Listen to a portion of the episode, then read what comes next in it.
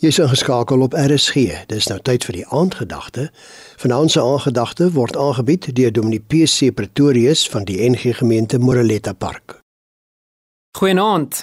As Jesus van die Heilige Gees praat, dan doen hy dit op 'n persoonlike wyse wanneer hy verwys na die Parakletos, die trooster of die bemoediger die een wat ons bystaan. Johannes 14 vers 16 25 en ook Johannes 15 vers 26.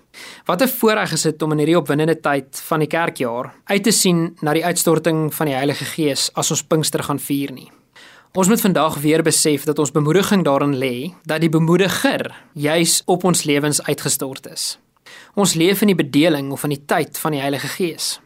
Ons weet in die Ou Testament was God die Vader meer op die voorgrond gewees. Hy was die een wat met die profete gepraat het. Die een wat veral met Moses en ander in gesprek getree het oor hoe hy wil hê die volk moet leef. Hy was die een wat in die wolkkolom en in die vuurkolom die volk gelei het. Hy was die een wat gesê het hy wil onder hulle kom bly in die tabernakel en in die tempel se allerheiligste plekke. En toe vir 'n tydperk daarna was dit die bedeling of die tyd van God die Seun. God die Seun was op die voorgrond gewees vir die 33 jaar van sy lewe op aarde. Hy was die een agter wie die mense aangeloop het. Hy was die een wat hulle geleer het en gelei het. Hy was die een wat hulle bemoedig het en opgebeur het en hulle vertel het dat hy die seun is wat gekom het vir die verlossing van die wêreld. En toe Jesus gekruisig is, gesterf het en opgestaan het uit die dood, is die Heilige Gees daarna uitgestort. Daarom leef ons nou vir die afgelope 2000 jaar in die bedeling of in die tyd van die Heilige Gees. Die Heilige Gees is nou die een wat ons rig en wat ons lei. Hy is die een wat ons bemoedig en die een agter wie ons aanloop.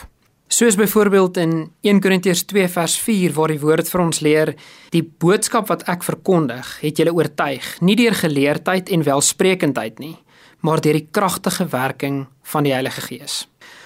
Ons moet weet dat 'n mens oortuig word deur die waarheid in jou lewe op geen ander manier as deur die werking van die Heilige Gees nie. Hebreërs 4 vers 4 sluit ook daarbey aan wat sê daarby het God ook saamgetuig deur tekens en wonders en ook deur allerlei kragtige dade en gawes van die Heilige Gees.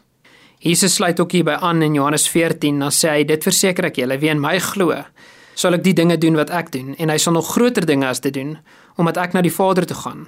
Wat julle ook al in my naam vra sal ek doen sodat die Vader deur die Seun verheerlik word. As julle iets in my naam vra, sal ek dit doen. Daarom weet ons die Heilige Gees is die een wat optree as ons helper. Die Heilige Gees is die een wat ons bystaan in ons swakheid. As ons nie weet wat en hoe om te bid nie, dan pleit die Gees self vir ons met versigtings wat nie met woorde gesê kan word nie.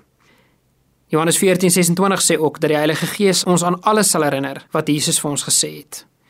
So my verhouding met die Heilige Gees help my om herinner te word aan die verlossingswerk van Jesus Christus en hoe om as sy disipel te lewe.